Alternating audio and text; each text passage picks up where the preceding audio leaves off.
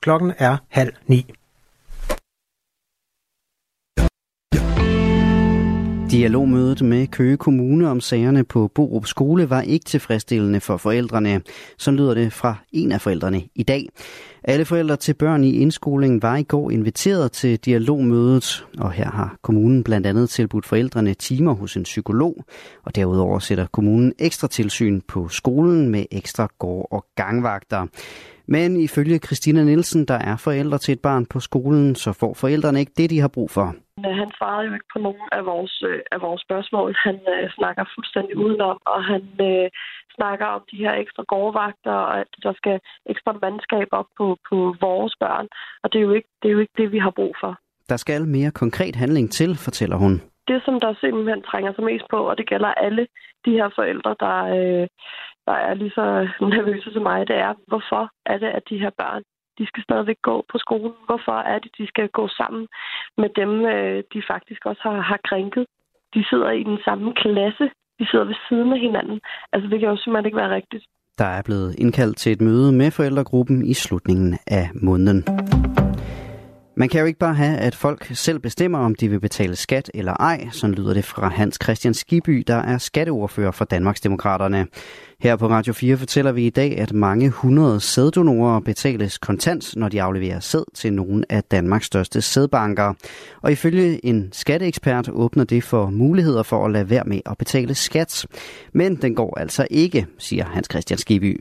Altså der må man jo sikre, at dem, øh, der udbetaler de her penge, de dels gør det på et retmæssigt grundlag. Vi har masser af regler i Danmark omkring udbetaling af penge, og det, det vil også være nærliggende at kigge på, hvordan man udbetaler de her midler til, øh, til sæddonorer.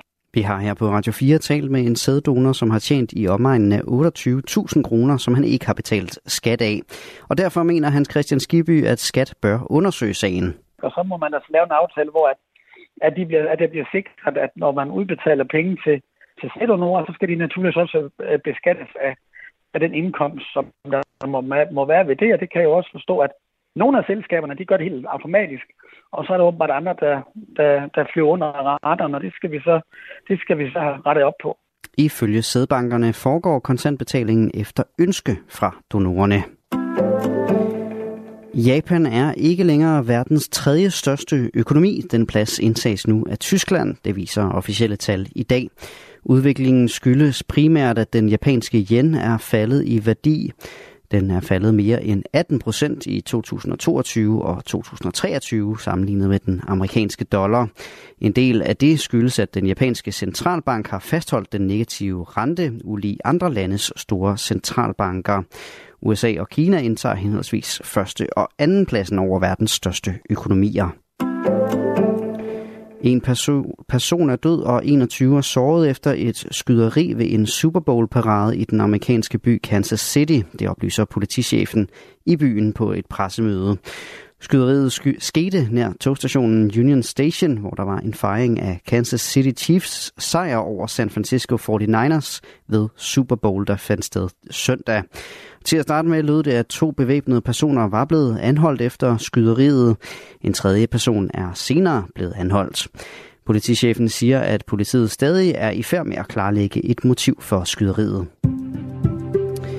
Gråt og diset eller tåget vejr og perioder med regn. Temperaturer mellem 3 og 10 grader og svag til jævn vind mellem sydvest og sydøst. I aften og nat fortsat skyet og diset, stedvis tåget med regnhister her, men ud på natten kan det klare lidt op.